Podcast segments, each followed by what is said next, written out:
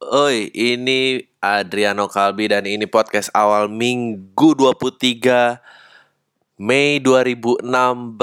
Apa kabar semuanya? Ah, semoga sehat-sehat saja dan tetap bahagia. Selamat hari Waisak bagi yang merayakan dan selamat eh, atas apa apa 18 tahun setelah turunnya rezim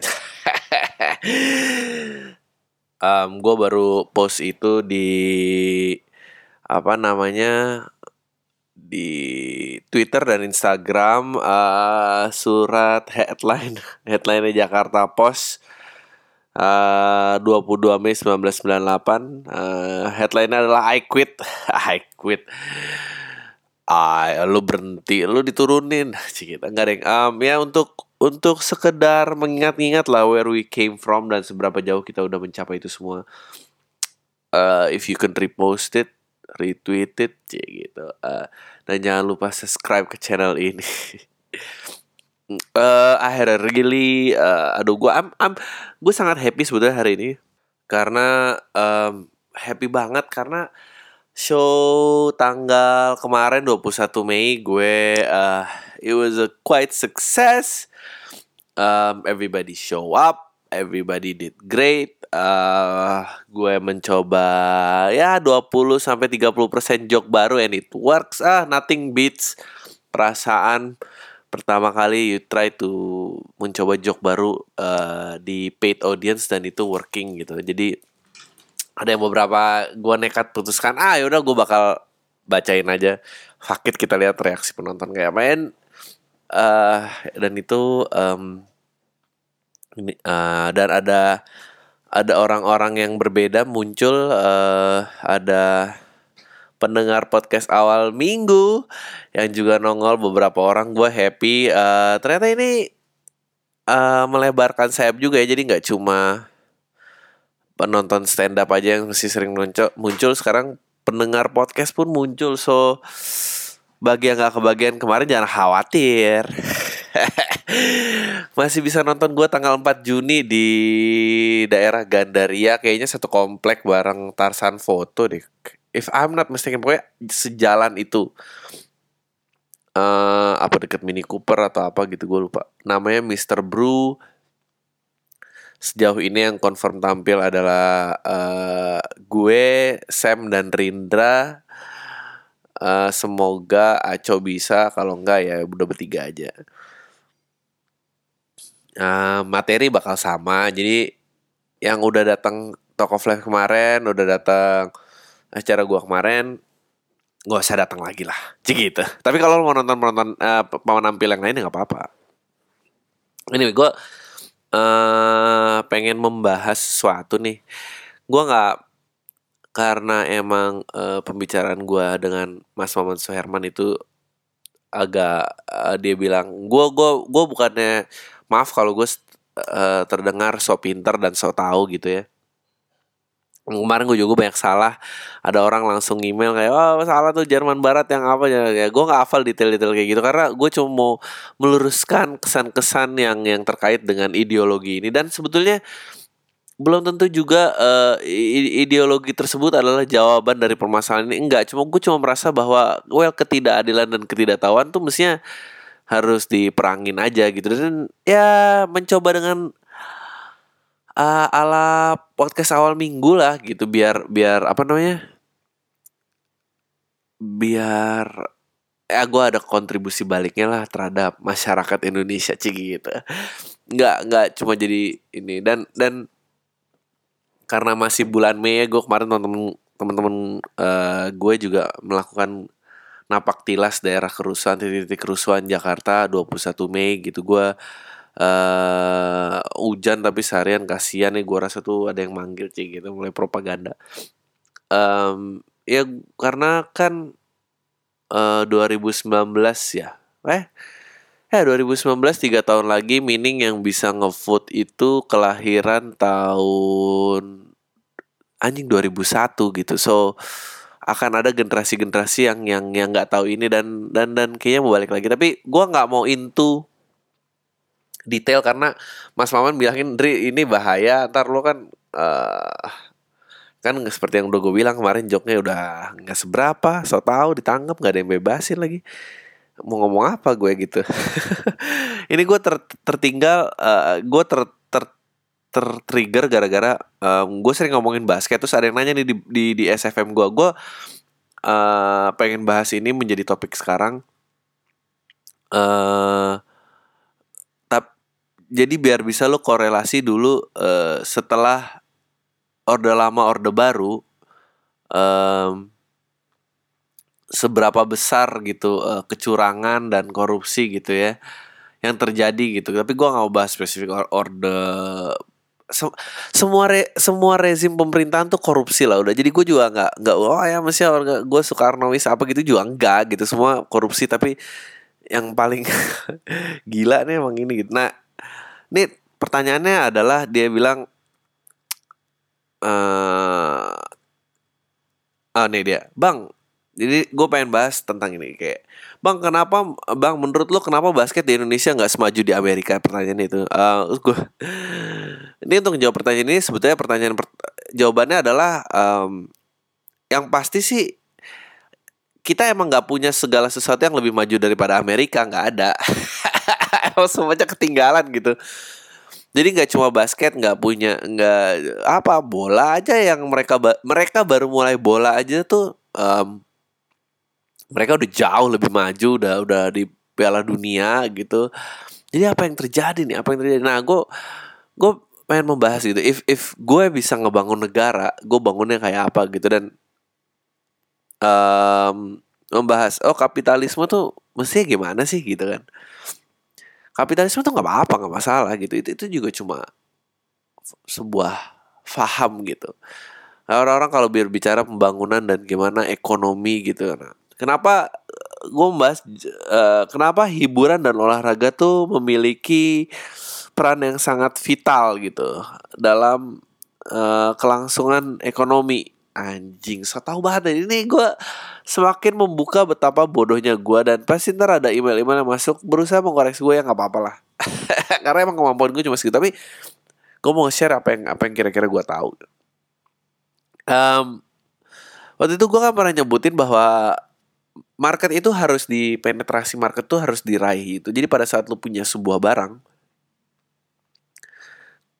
lu pengen barang itu uh, apa namanya uh, laku seluas-luasnya dong gitu. Dengan modal sekecil lo meraih untung sebesar besar itu prinsip dasar ekonomi lah. Jadi kalau lo punya toko roti kalau radius market lo ya kita ngomongin geografis dulu ya kan. Marketing itu kan ada geografis demografis dan psikografis yang terakhir mempenetrasinya gimana gitu yang pasti kan demografis eh geografis dulu dong gitu kalau lo punya toko roti gitu ya geografis lo lah yang ngambil apakah radiusnya 5 km, apakah 10 meter, and so on tergantung seberapa besar size lo. Nah, kedua uh, untuk menjang mengoptimalkan geografis gimana gitu? Uh, satunya harus dibangun dong gitu. Satu harus mempenetrasi geografis yang lebih besar gimana gitu. Harus ada pembangunan, bikin jalanan, bikin gedung gitu. Jadi begitu itu gue bisa buka cabang gitu atau yang jauh bisa datang segala macam segala macam. Habis itu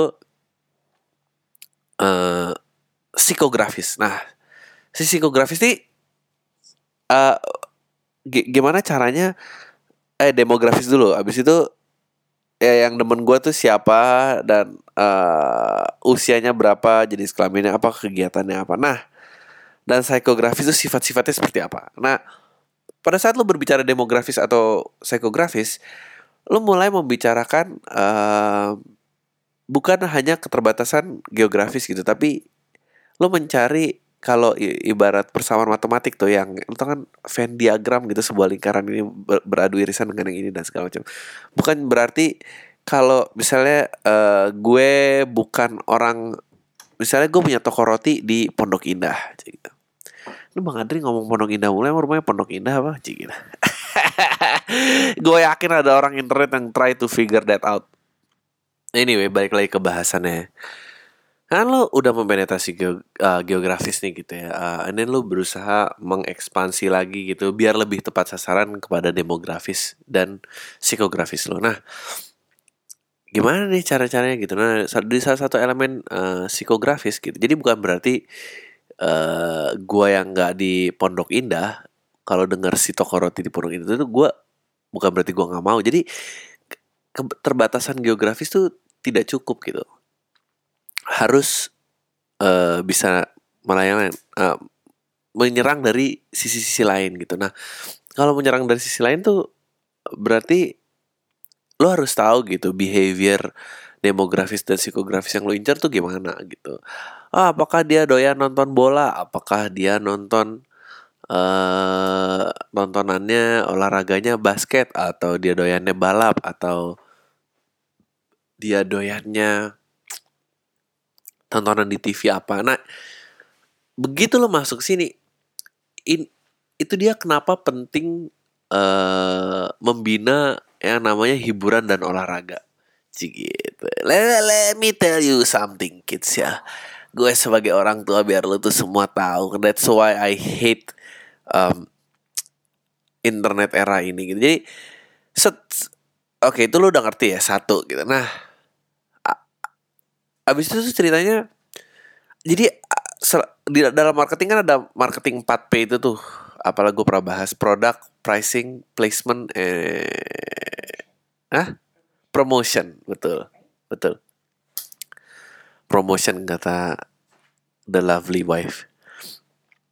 Uh, setel, marketing nih setelah ini adalah uh, setelah lo mendevelop produk yang sangat baik. Yang paling penting adalah sebetulnya abis itu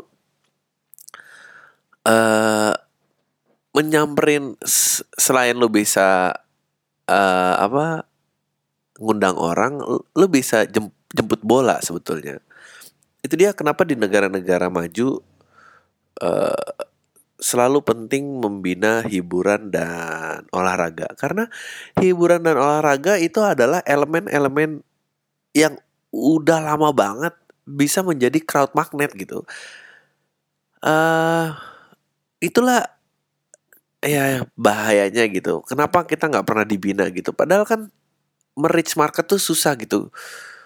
Um, kena dan traffic tuh sangat penting gitu. Dia kenapa uh, airport atau barang-barang di hotel itu mereka berani jual lebih mahal. Karena mereka adalah tempat-tempat yang menggaranti bahwa hey tempat gue nih punya traffic gede gitu. Nah orang-orang kalau punya traffic gede yang jualan tuh pasti mau jualan di sana. Karena karena susah lah. Seenak-enaknya roti lo nungguin nyebar dari mulut ke mulut berapa lama sih semua orang bisa tahu? Lo lama banget gitu. Kayak stand up gue ya gak kesebar-sebar padahal ya Allah. Testimoni dan uh, nyacunya dan semua yang udah gue retweet retweet itu ya Allah. Gue aja sampai malu tau gak lo retweet? Um, karena dulu sebelum ada channel promosi seperti um, karena di situ adalah tempat orang berkumpul di situlah tempat channel untuk berpromosi. Karena sebelum sosmed dan apa era ini tempat-tempat seperti inilah yang memegang kekuatannya gitu olahraga dan hiburan gitu not not so dan di situlah abis itu pentingnya meningkatkan kualitas olahraga dan hiburan karena hiburan yang bermutu dan uh, apa olahraga kompetisi yang bermutu tuh akan menimbulkan crowd yang lebih banyak gitu. Tapi kan nih uh, apa ya, ya film udah cukup sukses lah ya gitu maksudnya udah udah menjadi tuan rumah di negara sendiri secara angka gitu. Kalau dengerin Adri itu selalu ada pengecualian ya secara angka lah bukan secara mutlak Cik gitu.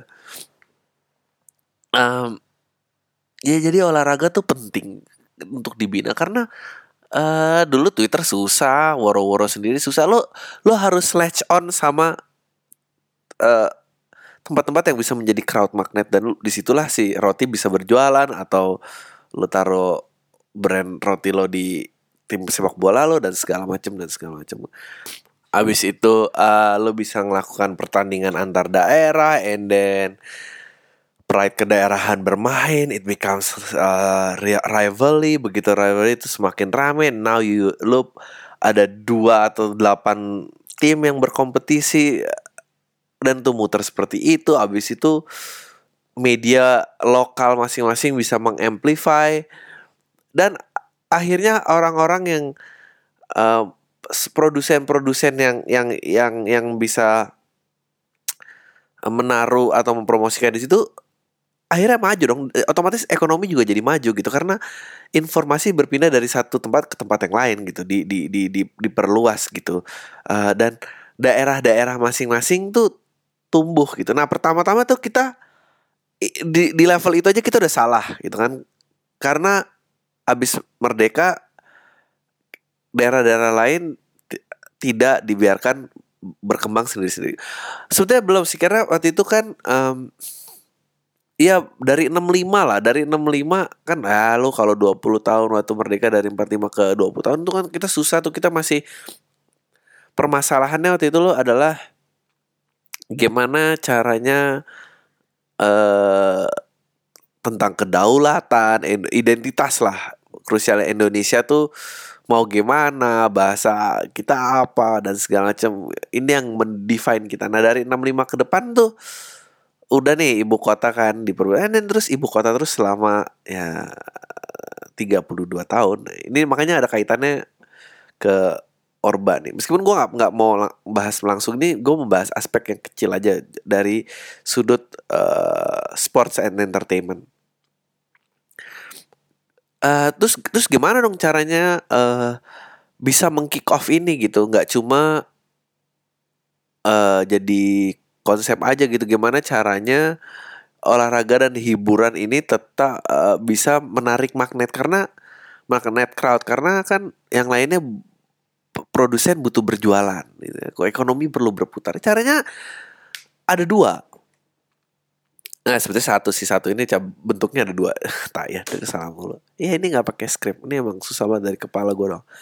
Bentuknya tuh sebetulnya investasi. Harus ada yang menginvestasi terhadap uh, bentuk ini. Ada dua, ada jangka panjang, ada jangka pendek. Investasinya adalah yang jangka panjang tuh ya lo harus bikin pelatihan, harus bikin sekolah, harus bikin apa, melahirkan atlet-atlet uh, yang kompeten gitu. Karena uh, kalau lo mau mempercepat gitu idealnya sih grassroots ya gitu. Jadi kayak lo lo harus baca kayak sejarah sejarahnya motor racing gitu atau uh, balapan mobil. Itu juga dulu semuanya ilegal semuanya grassroots tuh gitu. Dari titik A ke titik B uh, ada orang beberapa balapan mewakili daerah-daerahnya and then becomes big and bigger dan pada saat big it, itu pemerintah harus bisa bina gitu, harus bisa dilegalkan karena itu kepentingan orang banyak dan banyak yang bisa berjualan di situ gitu. Uh, dan pada saat besar besar besar besar akhirnya bisa ah, oke okay, anyway jangan sampai kejauhan itu itu. Ini kan kita ngomongin Indonesia aja. Kita harus kompet dong gitu uh, kompeten. Nggak usah ngomongin uh, skala internasional lah lokal aja gitu Abis itu itu jangka panjang karena kita harus ngulangin. Nah tapi in meantime jalan gimana nih biar bisa jalan tetap ada yang mau datang. Ya lu subsidize selalu subsidi. Nah ini kata-kata inilah yang menghancurkan uh, bangsa ini sih gitu. Karena semuanya disubsidi dari mulai uh, apa olahraga dan hiburan sampai bahan bakar ya gitu. Ya sama lah semua seperti kayak Gojek atau uh, Grab yang lagi muncul sekarang cara yang paling sering dikeluar kata-kata yang paling sering didengar ada disubsidi gitu. Karena market belum matang uh, orang masih pengen willing kalau mau terlibat pun bayarnya murah tapi lo harus bisa mengajak supir-supir itu berpartisipasi. Karena kalau nggak ada supir ya lo invest bersubsidi lah. Jadi si supir bilang dapat harganya sekian nanti ntar lo tambahin Uh, tapi itu tidak dibebankan kepada konsumen. Karena kalau konsumen langsung bayar segitu orang-orang oh gak sama olahraga juga kayak gitu. Kalau tidak ada orang-orang yang sekelas Beckham atau apa ya nonton tiketnya murah aja lah. Nah habis itu dihitung nih kalkulasinya. Nah tapi gue nggak tahu apa yang terjadi dan seberapa banyak um, apa seberapa banyak uh, subsidi yang yang yang hilang gitu uh, atau uh, uh, orang-orang yang kecurian di sekolah-sekolah atlet atau ya bentuknya sekolah lain lah uh, yang akhirnya itu tidak pernah ada nggak pernah menjadi sesuatu yang mem memiliki daya tarik tersendiri gitu. Entah dari kualitasnya atau eh, orang-orang yang tertarik ma mau mau datang gitu. Kayak lu perhatiin aja gue tinggal di daerah Jakarta Selatan. Berapa banyak gedung olahraga dan gedung pertunjukan yang ada yang sebetulnya udah disediain Pemda. Tapi lu sebagai masyarakat lu pasti nggak pernah ke sana gitu. Uh, gue tuh masih main uh, uh, kalau anjing ini boleh gue umumin gak ya terame lagi main basket. Gue gue tuh masih main basket di gor bulungan gitu. Gor bulungan itu kan mestinya uh, dia bisa dijadikan level tanding entah level kota madya atau kejuaraan uh, pelajar um, atau bahkan nasional gitu Jakarta lawan siapa gitu. Nah tapi kayak kalau nggak kan akhirnya disubsidi kan dimurahin sewa dimurahin nah, harga tiket masuk dimurahin. Nah mestinya makin lama tuh begitu atletnya makin banyak makin banyak itu harus dilepas tuh subsidinya. Sampai akhirnya kualitas atlet sendiri bisa menjamin magnet orang-orang datang gitu. Begitu pula juga dengan gedung-gedung pertunjukan dan lain. Nah tapi itu akhirnya nggak pernah lepas lepas. Akhirnya subsidi subsidi subsidi subsidi subsidi terus entah. Pokoknya apa? Entah ada yang hancur dalam pembina dalam sekolah pembina binaan atlet dan teater itu tidak menghasilkan graduate yang cukup cepat dan akhirnya mereka bisa punya pertunjukan yang narik magnet dan orang-orang bisa dagang situ. Nah itu tuh nggak pernah terjadi gitu. Sebenarnya kalau basket sih jauh lah. Tapi yang masih punya harapan menurut gue tuh kayak uh, bulu tangkis, sepak bola gitu. Mestinya uh, mestinya levelnya itu uh, terekspos terhadap demografis masing-masing. Meaning gini. Kayak bulu tangkis. Ini bulu tangkis yang cuma rame kalau Indonesia lawan. Uh, Indonesia lawan internasional doang gitu. Level kota Madi aja Jakarta Selatan lawan apa mestinya tuh rame gitu atau uh, mestinya tuh bisa gitu. Kenapa lo nggak mau nonton? Ini, ini yang unik. Gue kemarin ngobrol sama Awe sama Gilang. Ini yang unik dari komunitas stand up ya. semoga terus-terusan bisa kayak gini ya. Lo bayangin kita ngadain kompetisi uh, street futsal aja antar komunitas Jabodetabek. Itu Trans 7 mau ngeliput loh. Karena padahal mah apalah artinya komunitas stand up sepak bola terus diliput sama TV yang skala nasional gitu. Nah, media juga berperan salah gitu karena uh, dulu kan dirajai uh, dulu kan medianya pemerintah RRI TVRI itu siaran nasional. Gua nggak nyalain itu. Pemerintah harus punya hak siaran nasional. Tapi habis itu kan ya ini kembali lagi nih. Anak-anaknya si pemimpin ini kan punya stasiun TV kan. Mainannya lah tuh ambil deh tuh gitu kan.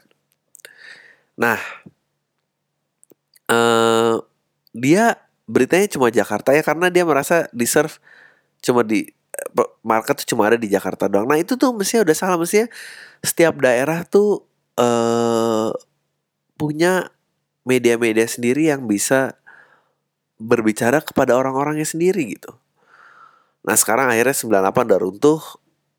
Uh, 98 runtuh nah akhirnya media itu uh, daerah-daerah lain punya media masing-masing. Nah tapi yang rese adalah si anak-anak itu. tapi gue takut sih ntar lagi dia mau uh, mau nyapres nih. Ntar gue diapain lagi? Pak kalau saya ditangkap nih pendengarnya ada banyak pak. Ya gitu. Dia menjadi uh, apa namanya media nasional. Anjing gue sebetulnya gue lagi dalam sosok teaser gitu gue sebetulnya lagi dalam proses uh, menulis buku juga tentang ini tapi nggak kelar kelar karena susah dan males. Um, itu jadi jadi media nasional yang menghambat pertumbuhan media-media lokal.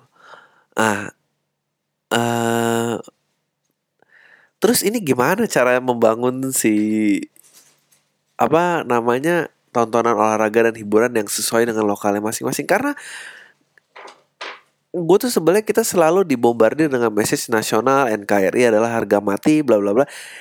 Eh di negara maju tuh nggak ada loh yang Amerika gitu kayak misalnya kalau gue di sebuah state of New York gitu ya gue nontonnya berita New York aja gitu. Gue nonton berita nasional tuh kalau misalnya Obama mau ngapain oke gue baru pengen tahu. Tapi gue nggak perlu tahu yang lain karena gue pengen tahu di New York ada apa, New York ada pertandingan apa, ada pertunjukan apa. Karena ekonomi ekonomi daerah gue perlu tempat berpromosi di situ gitu. Dengan dia bisa berpromosi di tempat lokal, gue juga jadi tahu orang ada akan ribet banget kalau toko roti gue harus ngiklan di mana gitu, harus ngiklan di RCTI gitu ditonton dari Sabang Merauke padahal cuma ada di Pondok Indah kan nih.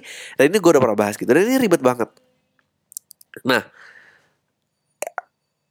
kak mestinya tuh keadaan itu harusnya serentak. Media dan tontonan olahraga dan hiburan tuh serentak.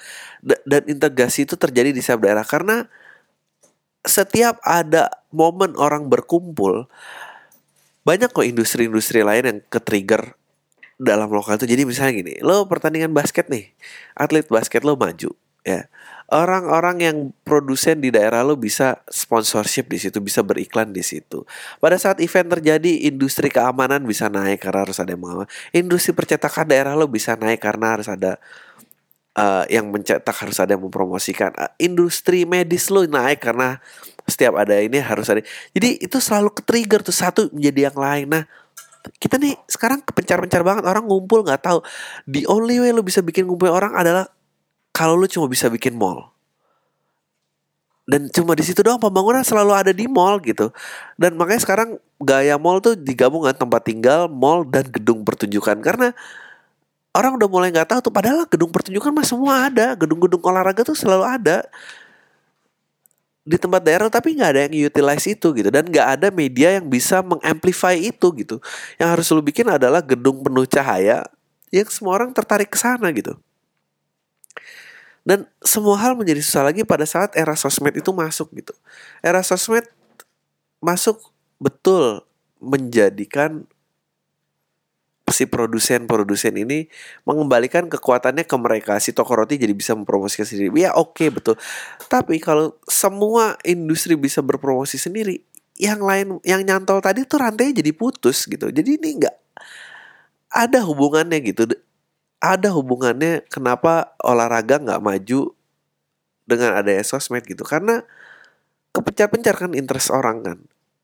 Nah mestinya tuh tadinya terbangun secara serentak semua media mempromosikan sesuai dengan geografisnya semua orang bersinergi sinergi dari situ. Nah internet tuh mestinya proper use-nya adalah pada saat ada internet lu bisa uh, mengamplify produk lo ke orang-orang yang punya demografis dan psikografis yang mirip di di geografis yang tidak terjangkau.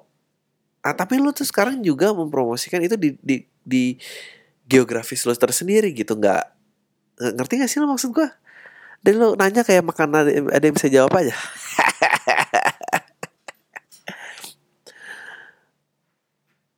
sekarang so ya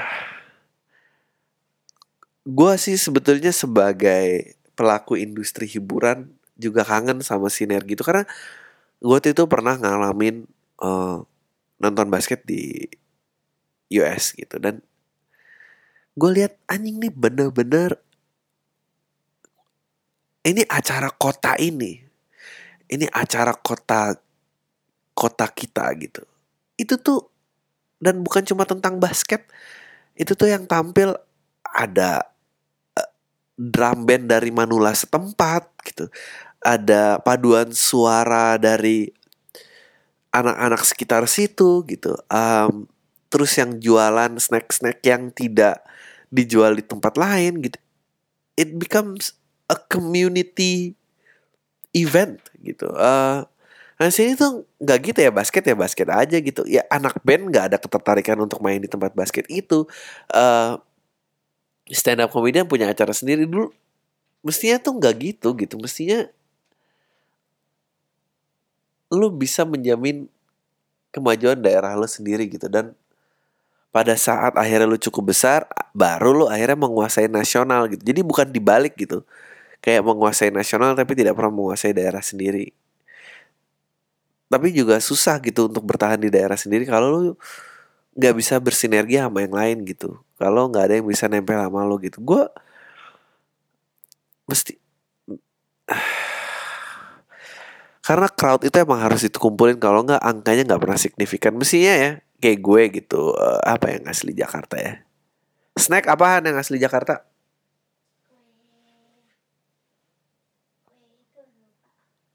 Lupis apaan apaan tuh? Oh salak condet. Ya misalnya salak condet. Nah atau cendol cendol cendol raja lah. Cendol apa waktu itu? Ya randol. Raja cendol. Nah raja cendol tuh mestinya bisa berpromosi di channel event-event komunitas setempat gitu. Barulah dari sini dapat duit, ini bisa ini, ini bisa gini. Gitu. Nah itulah um, sekarang sekarang game sekarang investor gue pengen naruh duit dan bisa mengumpulkan traffic yang signifikan angkanya segede. Gue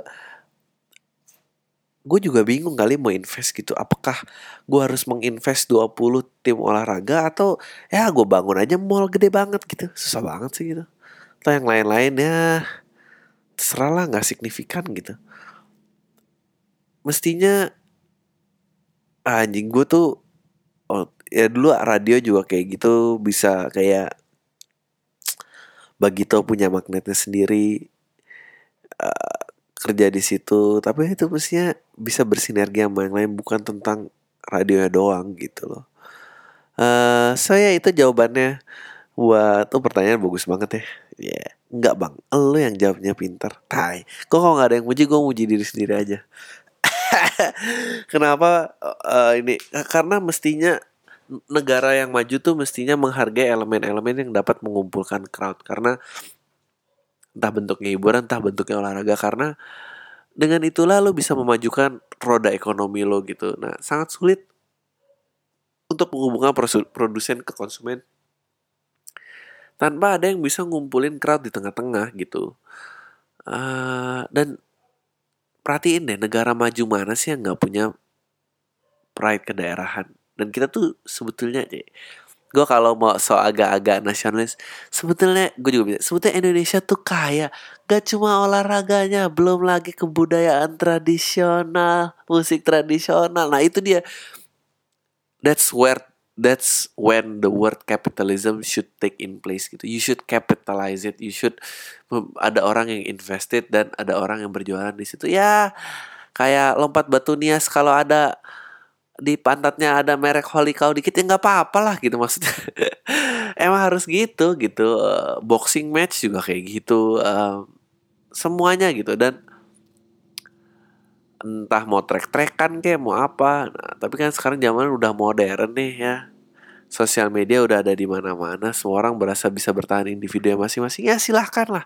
Silahkan kalian bagaimana caranya bisa berda bertahan dengan sendirian. Udah masuk ke pertanyaan aja. Bitter banget. Ya kira-kira gitu ya. Kesimpulannya jadi lu bayangin aja lah duit yang hilang tuh berapa banyak. Cik gitu. Oke um, email pertama. Da bang sebut aja lah nama gue. Temen gue juga nggak ada yang tahu pam juga setan. Dari I, Imara. Nggak guess namanya Imara. Bang gue mau nanya sekaligus cerita. Kalau bisa jawab di podcast bang gue kan nggak terlalu banyak temen di sekolah. Kalau temen sih banyak. Nah temen gue ini pada hobi banget ngomongin orang. Gue sih kep gue tahu sih kepo itu manusiawi. Tapi kalau kepo sama rahasia atau aib orang lain kan banyak yang tetap aja nggak boleh. Temen gue ini kalau udah niat banget ngomongin orang sampai nyari-nyari tahu gitu tentang apa yang mau mereka omongin sampai hal yang nggak penting juga. Mereka pernah buka buka buku gue yang ada kertas dilipatnya dan dibaca. Anjing tai banget temen lu. Kertasnya si kertas lipatnya curhatan temen gue yang baik. Gue udah bilang yang dilipat jangan dibuka salah gue juga sih bang naruh di situ. Jadi teman baik gue ini jadi dijudge abis-abisan sampai sakit bang sama mereka anjing. Padahal gue orangnya kan berhak buat nggak suka sama siapa aja mereka nggak sadar. Mereka juga parah banget. Mereka aja nggak suka sama orang masa nggak boleh suka mereka? Pantas aja teman baik gue dijudge gue kagak diajak mereka takut marahin gara-gara baca buku gue menurut bang Ari tingkat teman gue pantas gak sih? Sorry nih bang panjang email yang maju terus. Uh, pahamnya. Ya nggak pantas lah tapi emang susah sih. Ini pasti lu sekolahan ya? Cing gitu. Emang tapi itu ntar semoga sih akan mereda ya kalau lingkungan lu lebih baik gitu. Uh, gue sih kalau udah kayak gitu tapi ini lucu banget curhat pakai lipetan di buku. Dan ini tulisannya nanti lipat aku baca. Ah. Gue kangen tuh yang kayak gitu-gitu. Tapi gue juga hobi kok ngomongin orang tapi maksudnya gue gak suka ngambil yang kayak gitu-gitu gitu ya. Mendingan sih gak usah lo liatin lagi aja. Uh, apa ya? Gue berusaha mengextend men mencari joke nih apa ya kayak gitu. Ah menurut gue sih ganti teman aja lah. Gue selalu ngomong ini ganti teman itu tapi kalau udah nggak udah nggak nyenengin sih ya gue usah dianggap temen aja ya. Lu main sama temen baik lu aja berdua. Gue lu juga gitu. Lihat deh jadinya gue sekarang. Eh, susah bergaul. Minderan. Uh, Ahar dari Arif Bang ceritain dong gimana perfeksionisnya lu. Uh, gue gue nggak gitu perfeksionis ya. Apa nih dalam hal apa? Dalam hal nulis joke nulis joke. Kemarin tuh ada quote-nya siapa Han? Si seniman itu bilang. Herbie Hancock bilang Kak seni itu buat dia ada tiga tahapan pertama mainlah untuk diri lo sendiri yang kedua mainlah untuk orang-orang di sekitar lo nah, keluarga lo dan sebagainya ketiga mainlah untuk uh, Tuhan lo. Dia, dia tapi mungkin bisa lo artiin mainlah untuk tujuan yang lebih luas atau tujuan yang lebih tinggi. Uh, gue gue baru dengar itu kemarin gara-gara ngob baru ngobrol sama musisi Bali pemain kontrabas. Habis tempat gue manggung gitu um, gue happy karena dia senang lihat gue gitu dan dan untuk mendapatkan penghargaan dari orang yang segitu gue pun jadi tersanjung gitu. Gue nggak pernah dengar quote itu sebelumnya tapi uh, ya gue bersyukur aja gue cukup di di di lini itulah gitu. Uh, berusaha kalau lu tanya perfeksionis sebetulnya nggak gue nggak perfeksionis perfeksionis. Yang penting gue happy dulu. Gue happy gue bisa ketawa akan jok gue waktu pertama kali mikirin gue anjing lucu gitu. Nah kedua gue berusaha untuk tidak mempermalukan orang-orang terdekat gue gitu. Uh, terutama di kasus ini adalah istri gue gitu. She's, I need gue butuh dia untuk menjadi fans nomor satu gue gitu. Uh, dan kalau dia udah bukan fansnya berarti ya kayak seperti gue bilang gitu kayak kalau Niji itu main di apa inbox pagi terus istrinya udah nggak mau nonton dia tuh gue nggak ngerti tuh tujuannya apa gitu atau pasangan lo ya lo lihatnya artis-artis siapa dia bikin karya apa itu kira-kira istrinya nonton gak ya? Atau enggak anaknya bangga nggak ya? Kalau udah nggak itu menurut gue udah ya udah udah mulai beda. Mainlah untuk tujuan yang lebih tinggi ya punya nilai dan baik. Ya itu udah terakhir gue I don't know I still say lah the silly stuff. Uh, gue masih banyak salahnya gue masih apa tapi every once in a while gue berusaha kayak anjing gue harus give give back ke ke masyarakat atas dukungan yang udah gue terima selama ini aja kesannya gede-gede aja tapi sejauh ini aja gue berusaha adalah gitu yang kayak gitu-gitu entah entah bikin bahasan yang cukup ada nilainya atau uh, training-training gratis tak ya. Anyway, uh, halo bang, gue Dava dari Jakarta by the way. Selamat ya bang. Uh, ternyata pendengar Pam ada yang dari Perancis. Iya dong. Gue minta pendapat lo dong. Pendapat lo orang penting pendidikan, pendidikan daripada uang gimana bang? By the way, lo orang gimana bang? Lebih mending pinter tapi miskin atau orang lebih kaya tapi pendidikannya seadanya? Sehat selalu bang. Ah, uh, anjing apa ya well, here's the thing ya dulu kalau di orang pinter jarang ada yang miskin tapi kaya juga banyak yang norahan itu rumahnya Warsito Pondok Indah tuh ketahuan banget dia nggak pinter Enggak dia pintar untuk dapetin duit kayak segitu tapi maksudnya selera dan tes. Hah? Mendingan pintar tapi miskin ya. Si si lu tahu kenapa gua ngawinin dia? um, gua berusaha gua berusaha tidak menjadikan segala-galanya sesuatu tentang harta tapi gua juga nggak mau uh, garis kehidupan taraf kehidupan gue cuma segini. Dari generasi ke generasi harus mencapai kemakmuran yang lebih tinggi. Ya meaning kemakmuran tuh dari segala aspek ya harta dan dan pendidikan lo dan moral lo dan segala macem gitu. Nah kalau rata-rata itu uh, mundur ya berarti gue melakukan sebuah kemunduran gitu pesan gue kayak buat anak gue dan generasi selanjutnya adalah itu c wahailah anak-anakku jadilah generasi yang lebih maju daripada itu itu sebetulnya artinya itu kan gitu. Lu jangan lu, lu jangan terjebak dalam kolam kemiskinan yang kemiskinan yang sama.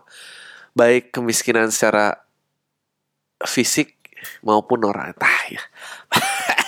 Ya gitulah kira-kira. Um, iya dan dan harta itu bukan sesuatu yang untuk lo alergiin gitu. Gue pun juga nggak tahan ngobrol sama orang yang gue nggak tahan orang ngobrol sama orang yang uh, hati kemapanan gitu atau uh, miskin dan ini. Apalagi kalau dia berkeluarga gitu ya kasihan lah. Itu kan semua orang nggak nggak dia nggak berus nggak setuju dengan dia nggak ngasih persetujuan untuk hidup seperti itu sementara tarik tapi gue juga nggak setuju yang menjual buah pikirannya itu semata-mata karena harta dan bukan orang. Ah tayah ah kayak tahu aja Dear Bang Adri, Bang gue kesel sama lo. Gue kan kecapam lo dalam keadaan lari dari skripsi Terus lo bahas sejarah dunia in, in a nutshell In a nutshell. Dan gue ini jurusan HI Mana dosen gue yang ngajarin sejarah dunia Terus sekarang membimbing gue kan tai Kepala gue berasap. Gue pengen klarifikasi beberapa pernyataan lo di PAM kemarin. Nah ini dia nih. Nih email yang kemarin gue banyak salah. Gue takut kredit, Satu kredibilitas gue sebagai mahasiswa HI Langsung tiarap kalau salah. Dua gue gak mau jadi orang yang so tau dan rese aja. Tapi gue juga males buka diktat gua lagi.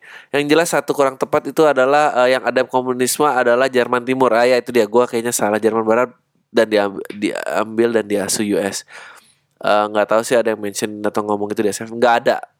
Tapi lo email gue berarti ya rata-rata pendengar gue bagus lah. Cik gitu. Beberapa mahasiswa HI yang uh, gatal pengen nyawa tapi takut salah kayak gue. Enggak lah, kayaknya lo lebih bener daripada karena gue nggak ada reference. Gue cuma apa yang gue inget dan dijabarkan secara singkat tuh kayak gitu gitu. Um, ada beberapa lagi sih tapi gue takutnya karena lo mempersingkat aja toh message tetap nyampe. Malas kan gue harus cerita terus dipotong. Eh bukannya gitu. Gue lagi kecapam sampai Oktober buset. Jadi mungkin email lagi ada email lagi dari gue thanks a lot bang for making this kind of discussion. Seru kok. Ah you see people this is why you do it gitu. Bang oh, ini seru nih Bahkan gue backstreet sama cewek gue Dan kemarin Artinya tahu kalau dia pacaran Dia beda Dia jadi beda dan gak mau ngelanggar Apa yang dinasihatin ortunya. Dia maunya kita kayak teman biasa lagi aja. Tapi udah sering ciuman mana Enggak dia nulis itu gue yang namanya Tapi sering ciuman dan pegang tangan Mana bisa biasa lagi Tapi ada yang uh, kayak teman biasa aja tapi ada yang spesial tanpa ada label pacaran. Astaga jadi nggak ada hak buat ngatur. Gue nggak tahu ya nama hubungan ini apa. By the way gue pacaran udah tiga tahun lebih bang. Gue bingung gue mesti gimana. Thank you bang. Sukses terus sama pamnya. Ah, gue nggak tahu. Backstage sama orang tuanya ini dilarang karena apa? Karena ras kah? Karena agama kah? Karena apa gitu? Eh uh, tapi ya kalau masih muda menurut gue sih ya bebas aja. Backstage tuh juga seru menurut gue ya orang tuh jangan pernah jangan kawin duluan sebelum lu punya cerita relationship uh, tiga cerita relationship. Yaitu punya selingkuhan jadi selingkuhan sama punya hubungan yang nggak bisa disebutkan. Yang ya lu berarti backstreet udah nih satu gitu. Biar bi biar tahu yang namanya cinta tuh apa. Karena ada loh orang-orang yang karena ngumpet itu berasa cinta padahal mah anjing seru ngumpetnya doang tapi cinta banget kagak. Terus pas ternyata udah gak backstreet kayak anjing bingung nih excitementnya di mana gitu. Selingkuh juga gitu gitu. Kayak wah ini dia nih dia yang mengerti gue di saat pacar gue nggak mengerti gue dia yang mengerti gue dia pun juga bermasalah sama pacarnya. Ya iyalah lu dua-duanya bermasalah bertukar cerita ya menurut lu apa yang bakal terjadi? Selingkuh emang gitu rasanya. Seolah-olah senasib tapi pada saat nasib itu dihilangkan lo ada kesamaannya ah, belum tentu.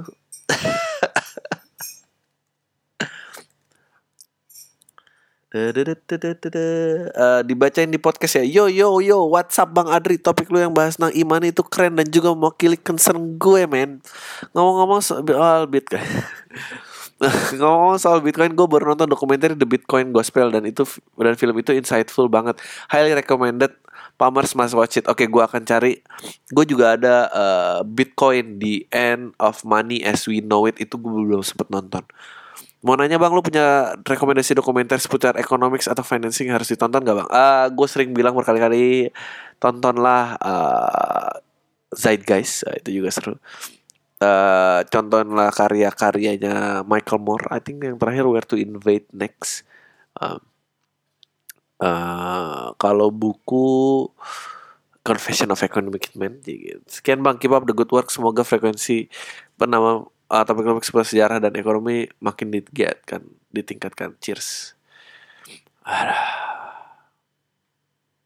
Halo Bang Adri, salam kenal. Gue salah satu pendengar setiap Pam. Bang gue waktu itu mau nonton vlognya Bang Awe pas lu tampil oh, Bang Aco gue liat baju lu Bang. Langsung aja gue pengen nanya lu lebih milih Curry atau Thompson? Bahas ya Bang. Ya ya Curry lah. Gimana? Thompson apa? Men Curry itu kayak uh, bagi yang belum tahu dia baru menanyakan dua bintang yang ada di Golden State Warriors. Um, uh, jagoan utamanya si Stephen Curry uh, ini lagi ngomongin NBA si apa ceritanya? Apa namanya? Gue pengen ngomong apa ya? Uh, satu lagi sih nggak nggak nggak gitu. Nggak gitu ini tapi mereka krusial sih dua-dua di tim karena mereka uh, three point shooter gitu. Jadi Curry juga nggak akan bisa bergerak sebebas itu kalau nggak ada Thompson yang mengancam dari sisi lain gitu dan begitu juga sebaliknya Thompson juga bisa ini. Um, tapi ya sekarang tuh eranya Curry sih. Mungkin aja pada saat Curry nanti declining Thompson memegang eranya who knows? Ah, nggak uh, pernah tahu juga gue. Um, ini ada yang nanya bang gue mau nanya nih menurut lo pendapat yang bikin gerakan masturbasi nasional untuk mengurangi pemerkosaan itu gimana bang? Thanks bang terus semak sukses terus podcastnya. Ini ini pengen gue gabung jawabannya dengan um, itu email udah habis di di SFM ada yang nanya juga nih bang apa sih tanggapan lu tentang munculnya kasus pemerkosaan dilakukan oleh anak di bawah umur? Negeri ini nggak punya anak zaman sekarang. Ngeri nggak punya anak nggak ngeri nggak punya anak zaman sekarang dilindungin biar nggak jadi korban malah jadi pelaku. Uh, itu sama uh, oke okay, um, sebetulnya ya si gerakan masturbasi nasional kalau emang ada. Sebetulnya itu um, sangat membantu. Karena ya yang kecil-kecil aja lah kayak kalau kangen lu tahu misalnya hubungan lu tuh dulu jelek putus susah gitu ya. Pas putus malah kangen coba masturbasi dulu. Habis itu masih kangen apa enggak? Itu emang ada hormon-hormon yang dilepaskan di dalam lelaki yang membuat dia jadi lebih stabil setelah bermasturbasi tapi intinya sebenarnya bukan masalah masturbasi, masalah.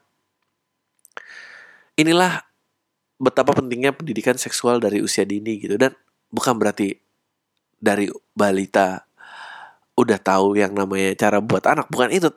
Tapi harus ada pendidikan seksual sesuai dengan konteks umurnya gitu. Uh, kalau nggak salah setahu gue ya umur tiga tahun itu mestinya dia udah tahu dia siapa secara seksual gitu. Apakah gue laki atau kalau gue perempuan. Uh, dan sampai lima kalau nggak salah lima enam dia mulai memantapkan dia siapa. Um, dia siapa uh, berpakaian dan segala macam um, oh sorry. Nah dari situ tuh udah diajarin yang namanya alat-alat organ vital dan organ kelamin. Dan siapa aja yang punya akses. Uh, bicara-bicara ini kayaknya udah nggak ada gitu. Uh, seolah-olah tuh tabu untuk dibicarakan gitu. Uh, biasanya orang tua mengajari selain kamu dan saya tidak ada yang boleh dia harus diketahui gitu.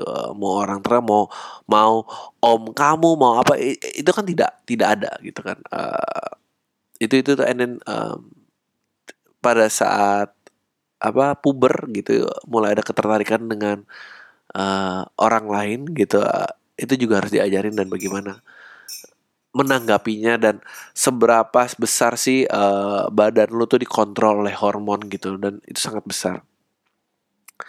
Uh, ya sampai akhirnya kayak uh, masturbasi dan ini nggak cuma lelaki doang ya perempuan juga gitu kayak ada manfaat-manfaat baiknya, ada frekuensi sehatnya dilakukan berapa sebulan, bla bla bla segala macam itu itu ada gitu. Tapi ini kan nggak mau diomong. Yang paling berbahaya adalah sebetulnya lo mendapatkan referensi seksual itu hanya dari bokep. karena anjing seksual itu kegiatan seksual itu adalah kegiatan yang sangat intim dan dan membutuhkan restu dari kedua belah pihak. Pada saat lo melihat sebuah tontonan dan seolah-olah lo merasa itu sebuah norma yang wajar dapat dilakukan, nah, that's the problem gitu. Sementara Eh, pelampiasan atau pelepasan itu nggak mengerti. Nah, yang kayak gitu-gitu sih gitu. Gue juga gue juga tidak setuju uh, gue agak tidak setuju dalam gini hukuman mati ter, emang emang tricky sih. 15 tahun sih is always a tricky age gitu. Apakah dia sudah menjadi orang dewasa apa belum gitu tapi kalau lo mau menghukum mati anak lo lo juga sebetulnya tidak melindungi anak-anak gitu. Eh, itu triknya lo harus bisa decide sebagai society kita harus bisa decide mana yang anak-anak mana yang tidak anak-anak. Kalau emang itu ya udah konsekuensinya eh, harus ditanggung itu satu itu terlepas. Kedua sebetulnya yang yang yang perlu ditegaskan sekarang ini yang gue ngelihat tendensinya kan tadi gue udah bahas ya gitu perkembangan media dan kenapa kita selalu jadi semua yang dilakukan itu together market, together people. Oke. Okay? Karena dengan dengan dengan orang yang terekspos yang banyak orang yang bisa terpapar pada saat mereka dikumpulkan itu banyak yang bisa berjualan di situ. Tujuannya itu. Lo harus ingat selalu tujuan besarnya adalah itu. Nah, jadi media dengan sosmed yang yang yang begitu cepat gitu, kita membutuhkan mengumpulkan orang secepat itu gitu. Eh, yang perlu gue tanya adalah sebetulnya kredibilitas jurnalistik ini sebetulnya sekarang di mana gitu. Apa iya pemerkosaan segitu tingginya? Uh, atau emang karena lu tuh tahu bahwa cuma ini berita yang paling menarik disebar. This is ini selalu problem sebelum sos sebelum sosmed udah selalu begini dan dengan ada sosmed dan makin parah. Sekarang prestasi sama kejelekan orang lu lebih gampang nyebar mana? And then berita mereka tuh pasti ada uh, uh, trik-triknya gitu. Tingkat tingkat gorinya gitu tentang uh, tingkat kekasarannya dan tingkat apa namanya ya tingkat kekasarannya. Semakin kasar ternyata orang semakin ber, semakin bekoar gitu. Semakin mau nyebar semakin mau komen angka-angka itulah yang yang menjadi magnet people kan. Uh, gue nggak tahu kalian harus gue sih kalian harus belajar bukan berarti kalau lu nggak nyebar lu juga nggak peduli gitu. Eh, bukan berarti kalau lu tidak komen di di berita itu bukan berarti lu nggak peduli gitu. Dan belum tentu juga kalau lu komen ternyata lu tuh peduli gitu. Kayaknya yang penting adalah pada saat lu melihat berita yang menyeramkan lu menyediakan ruang kesedihan buat di diri lu sendiri aja. Bukan sekedar nyebar jadi tanggung jawab lu itu selesai gitu. Terkadang diam pun juga jauh lebih baik daripada uh, uh, apa bekoar gitu. Betul emang betul harus diperjuangkan tapi apakah ria kengerian ini harus sejauh ini? Itu yang yang gue pertanyakan. Apakah daerah masing-masing dan pihak berwajib masing-masing itu tidak bisa menangani apa segitunya lo sampai harus yang membawa siar ini. um, gua bukan orang yang gampang berubah gitu dalam dalam menyikapi sesuatu gitu atau udah beradaptasi bahwa menganggap semua itu kewajaran. Gue pun tidak pernah buat gue masih aneh mengepost sesuatu yang personal. Gue suka personal tuh dalam hati gue aja. Karena gue I find it really weird era ini gitu um, um, ya ya gitu sih kira-kira. Lah gini kalau nanti hidup dalam ketakutan aja gitu terus hidup nih gimana nilainya gitu gitu kan. Dan selalu lah gue berbela sungkawa terhadap yang lain dan dan dan sangat sedih gitu tapi gue rasa menyebarkan pun uh, hanya membuat semua berita menjadi tentang itu gitu. Itu aja sih. Oke selanjutnya nih. Dari arah. Menurut lo apa yang harus kita lakukan biar omongan kita didengar orang? Meanwhile kita bukan siapa-siapa. Hahaha. eh ini pertanyaan-pertanyaan kayak gini nih selalu gue ledekin kayak kemarin um, ikut public speaking gitu. Pengen punya keberanian bicara tapi nggak tahu mau ngomongin apa tuh buat sama nih kayak gini. Lo pengennya didengar. Sementara minimal lu bukan siapa-siapa. Bukan masalah bukan siapa-siapa sih. Menurut gue kalau yang harus dilakukan adalah punya sesuatu yang untuk dibicarakan sih. Itu. Dan cukup penting untuk semua orang biar mau dengar sisanya itu semua cuma efek jadi kalau lu nggak punya sesuatu yang untuk dibicarakan kenapa lu pengen didengar gitu? Itu kayak apa lu pengen disukain tapi lu nggak tahu suka siapa dan nggak tahu apa yang disukai dari lu juga gitu. Ya tapi gue mau disukain lu cakep nggak? Enggak tapi gue ah tak ya cakep aja dulu atau jadi baik dulu aja atau apalah. Ah terus dia bilang bang sekarang kan kalau di sosmed ada yang pendapatnya beda sama kita bilang suruh nyuruh unfollow aja. Tapi ada juga bilang itu artinya kita belum menerima perbedaan pendapat atau menghargai kebebasan pendapat. Menurut abang gimana? Menurut gua nggak tahu. Menurut gua unfollow aja kali. Nggak tahu. Terus lu maunya apa kalau beda? Gue sih nggak kuat ya. Demi gue demi kesadaran batin gue sih gue nggak nggak mau. Bang obat jatuh jatuh cinta apa sih bang? Gue mau move on berkali-kali tapi baper kembali sama orang itu berkali-kali. Ya itu tadi masturbasi. Ya cium orang lain aja lah yang gampang. Atau enggak apa lah. Tahu nggak bang podcast lain yang keren selain podcast lu? Uh, kalau lokal gue nggak tahu gue nggak dengerin yang lain. Gue malu.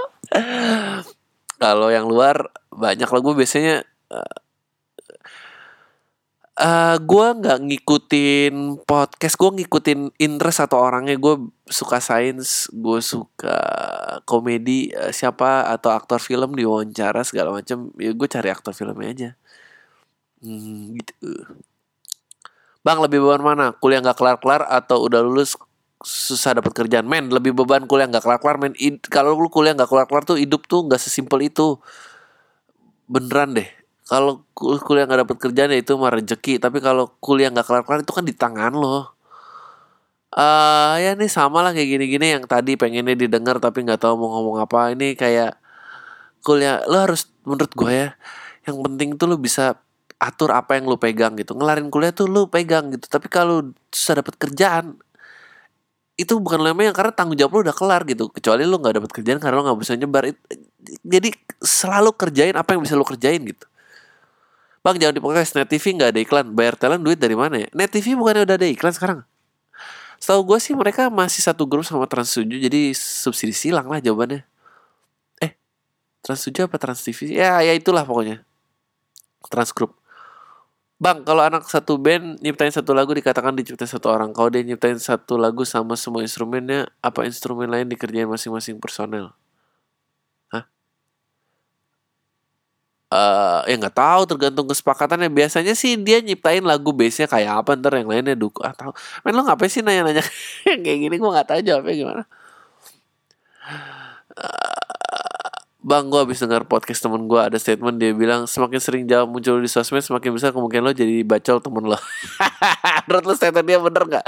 Gara itu gue jadi mulai takut dan mulai puasa posting Instagram soalnya ngeri. Ah bener nggak bener sih ya bener lah gitu apa yang bisa dilakukannya tapi kalau bacol mah apa yang nggak bisa jadi bacol? Nggak tahu nih ada yang nanya. Bang lo pernah ngelewatin nggak masa kalau lo dihantui ntar tuanya akan kemiskinan? Ya sekarang. Perasaan kayak gini apa karena kuliah gua nggak bener emang takut banget gak dapet kerjaan miskin ntar tuanya. Uh, ntar lu lebih takut lagi kalau ya anjing gue gue mau jadi orang-orang itu. Ah kalau masih single mah gampang ntar kalau udah kawin ya beras. Ya bagus ya gue rasa lu punya pemikiran kayak gitu. Gue sih kuliah nggak mikir apa-apa gue mikirin emosi gue yang nggak stabil. Takut pekerjaan layak ya bisa lah dapat pekerjaan uh, Nah gitu lah. Lo biasa deketin cewek duluan bang? Ada tipsnya gak? Anjing lo pikir gue cakep gitu ada yang deketin duluan jarang. Tipsnya adalah uh, try and error. Trial and error uh, duluan aja. Gue dulu juga banyak lah di ini. Tapi kalau misalnya ditolak ya udah ya ditolak. Itu hanyalah bagian dari permainan ini semua. Uh, eh, SD SMP-nya di mana? Kalau SMA udah tahu ah nggak usah lah. Sejauh ini Jokowi better than SBY nggak bang? Ya enggak lah. Anjing gitu di reason kenapa gue nggak bisa jawab itu adalah SBY itu dua pemerintahan loh. Dua pemerintahan dan stabil. SBY belum satu pemerintahan dan gue membuat gue sangat kayak berpikir anjing nih Indonesia republik secara republik masih lama gak sih berdirinya? Apa emang udah mau ditebalik ini? Apalagi dengan penculikan dan apa aduh ini ngeri banget sebenarnya. Uh, ya gitulah Uh, Bang Adri sumpuk banget gak sih tinggal di Jakarta? Gue dari kecil tinggal di Bekasi Sekolah di Jakarta Sekarang kuliah di Depok. Kayaknya abis lulus mau pindah ke Bandung atau Jogja gitu. Sukses terus Bang Adri. Semoga semakin banyak pendengar dari luar negeri Dan cepet internasional. Sumpah gak sih tinggalnya? Sumpuk banget. Sebetulnya gue juga kadang gak ngerti apa yang dicari dari Jakarta ini. Tapi gue lahir di sini Gede di sini Ketemu jodoh di sini uh, bikin kesenian juga ngundang orang-orang sini. Ya love and hate relationship lah. Tapi ya lo harus bisa membatasi diri karena gue nggak tahu apa yang dikejar dari Jakarta gitu apa yang dituntut dari Jakarta. Uh, sosial ekonomik statusnya juga nggak bisa habis lah.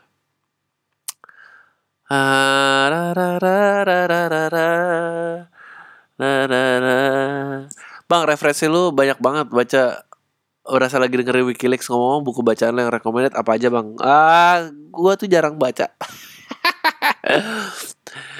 uh, fiksi ilmiah. Uh, gue suka 1984 George Orwell. Gue suka kalau tapi itu juga science fiction ya ada juga eko, eko Confession of Economic Hitman gue sering kan nyebut-nyebut ini berulang-ulang um, gue lagi mau baca Brave New World Adolf Huxley tapi belum kelar-kelar. Uh, gua mau gue suka baca buku marketingnya. Baca aja tuh yang dari siapa kan bapak marketing? Ya Kepler ya? Ah ya itulah bapak marketing. Siapa siapa? Yang bikin marketing 4P itu gue gak hafal. Uh, itu yang sering gue baca ya. Gebetan tiba-tiba dingin dan gak ngobongin kita secara drastis padahal sebelumnya intens setiap hari. Itu artinya apa ya? Artinya ya ah, diketawain loh. Artinya macem-macem bisa kamu mestinya udah nyium tapi nggak nyium nyium gitu. Cuma intens WhatsApp doang cik gitu. Uh, banyak loh yang eh, pengen sebenarnya. Uh, apalagi ya nggak tahu ketahuan orang tuanya. Atau dia punya pasangan atau dia udah move on sama yang lain ada banyak banget. Tuh mau yang mana? Nih loh apa sih kenapa sih kamu tiba-tiba berubah? Si orang-orang sekarang tuh Kenapa sih kamu tiba-tiba berubah tapi nanya di WhatsApp dulu tuh lu harus samperin ke rumahnya. Butuh nyali tau gak? Bisa udah nyamperin jauh-jauh tuh. Emang kita sebelumnya ada apa? Anjing jauh banget baliknya. Kalau sekarang ditolak di WhatsApp ya udah tinggal tidur. Ah, enak banget lah. Bang menurut lo penggunaan kendaraan umum bisa mengurangi kemacetan nggak kayak apa yang di kepanjang saya nggak? Anjing jangan Jabodetabek berapa puluh juta gitu. Australia itu 24 juta satu benua, Jabodetabek kalau nggak salah 21. Ya lo pikir aja, gimana caranya ngurainya eh gue pengen gue pengen ngebahas ya ini kemarin sempet di itu pada heboh semua orang-orang ngatain pengendara motornya. Nih gue pengen membukakan uh, sudut pandang lo gitu. Gue nggak ngerti sama orang-orang yang selalu nyarahin motor gitu. Orang-orang sampai buka separator busway gara-gara udah ditunggu polisi di sana. Oke, betul eh, motornya salah. Gua nggak nggak berusaha membela yang motor bongkar busway. Tapi gini loh, kenapa selalu salahnya si motor? menurut gue yang punya mobil juga pengen kalau lagi ada razia itu bisa bongkar jalan putar balik. Apa yang lo pe maksud gue lo udah ada polisi di sana lo udah lihat eh, emang lo mau menyerahkan diri? Udah dong kalau salah salah aja. Kayak gitu emang lo pikir. Nggak gitu men gini gue kasih tahu kenapa gue tuh pernah ngebahas ini orang yang lawan arah di motor tuh bukan salah motornya. Terus orang itu marah nggak mau dengerin podcast ini lagi. Ya gue kasih tau kenapa bukan salah motor itu. Sekarang gue tanya gini. Ini kaitannya dengan kendaraan umum dari pertumbuhan kendaraan bermotor itu kan hampir 20% pertumbuhan jalannya cuma 0,5% per tahun oke? okay? Makanya kita selalu harus meningkatkan pembangunan dong bla bla bla bla bla bla membatasi membatasi penggunaan kendaraan pribadi bla bla bla oke sebetulnya ada satu cara lagi kalau lo emang mau terwujud dan di sinilah kenapa orang selalu berhak nyalain pemerintahnya kalau emang mau ngentiin, ya lu hentiin aja. Gak ada yang boleh jualan kendaraan bermotor. Lu bikin tuh lima tahun. Kenapa nggak bisa? Karena karena yang mau jualan pasti nyogok pemerintah. Gimana sih? Gue gue pengen lo harus bisa lihat ya sebuah situasi. Kalau lo pengen tahu siapa yang salah, lo lihat siapa yang dapat duit paling banyak dari situ. Itu yang salah. Menurut lo si motor yang bongkar separator itu dapat duit berapa? kan pasti dibatasi. Singapura juga membatasi. Look, kalau mobilnya udah berumur lima tahun, itu udah nggak boleh dijual lagi. Buang semua, tarik. Nggak ada tuh yang bisa jualan.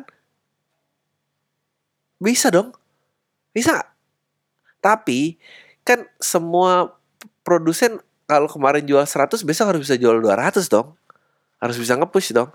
Harus dapat izin dong bisa jual 200. Menurut lo yang ngasih izin tuh ke siapa gitu loh polisi mah cuma ngelaksain tugas eh tapi ini ya udah perputarannya kayak gitu-gitu doang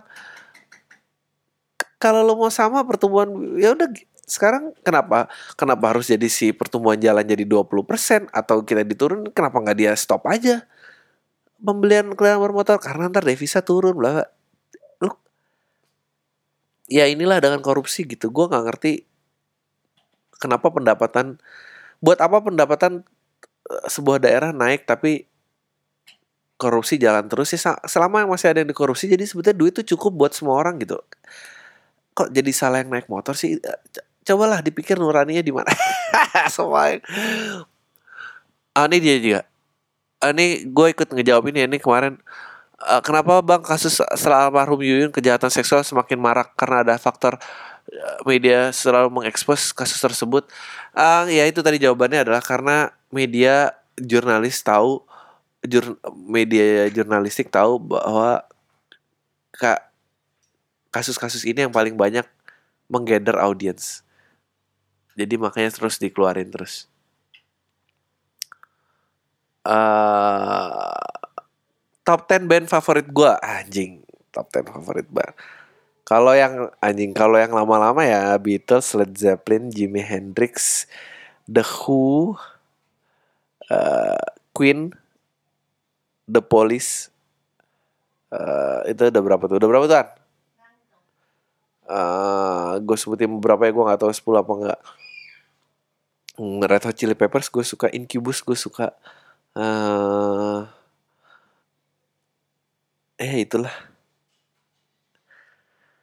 Pam besok bahas batasan bercanda sama temen ya. Uh, menurut gua itu berbanding lurus dengan tingkat kedekatan semakin deket semakin bebas bercandanya. Kalau ternyata lo ngerasa deket bercandanya nggak bebas, berarti sebetulnya dia nggak deket-deket banget.